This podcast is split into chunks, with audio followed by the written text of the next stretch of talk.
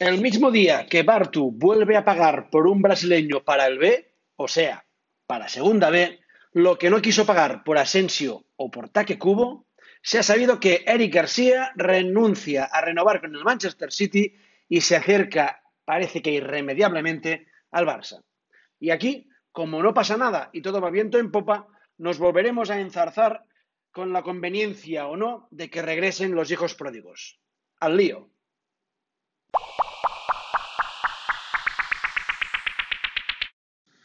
Como en casi todos los ámbitos del día a día del Barça, con Piqué empezó todo. Se fue a juvenil del United en 2004 por 220.000 euros, tras prometer y mucho en el cadete al lado de Messi y Cesc, y volvió de la mano de Pep Guardiola y Chiqui Beginstein en 2008 para liderar la defensa del Barça durante 12 de los mejores años de nuestra vida. Costó 6 millones y fue, junto al de Ronaldinho, el mejor fichaje de la historia reciente del Barça.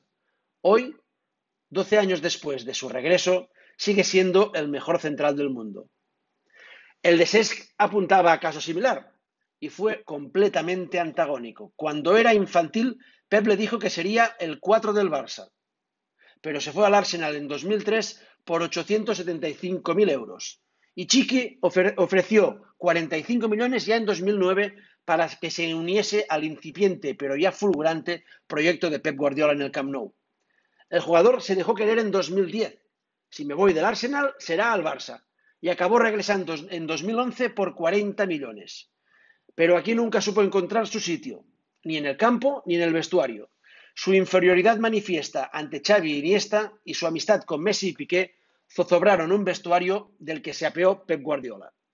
En 2014, el Barça vendió a Sesc por 33 millones al Chelsea.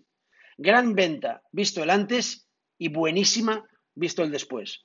Y en su lugar fichó a Rakitic por 21. 33 por Cesc, 21 Rakitic. El, el, croata encajaba menos que el del Maresma, pero acabó dando mejor resultado. Y llegamos a Eric García, un ambidiestro central con una pinta extraordinaria. El suyo fue uno más en ese éxodo de la Masía a la Premier antes de la mayoría de edad.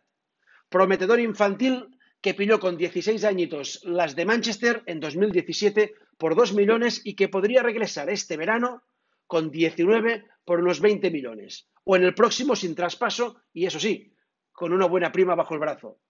Y en estas vuelve a salir la pregunta de siempre. ¿Debe el Barça pagar por un jugador que eligió irse?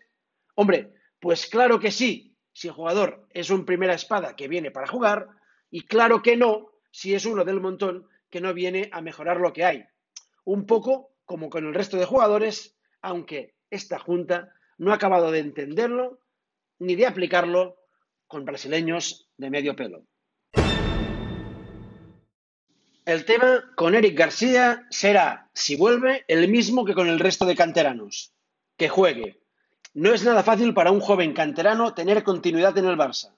Para eso hay que esperar que otros, el entrenador y el director deportivo básicamente, tengan lo que a estos jugadores les sobra. Calidad y atrevimiento. Tuvo calidad y atrevimiento Rijkaard para adelantar a Xavi y para ir metiendo a Iniesta. Y la tuvo Guardiola para darle los galones a Andrés y toda la confianza a Busi, Pedro y Piqué, entre otros. Confiar en la cantera no es darle minutitos a un chaval, colgarte la medalla del debut y devolverlo al filial primero y a casa después. Tan cierto como que Bangal hizo debutar a muchos es que, al final, a quien ponía es a los holandeses de su Ajax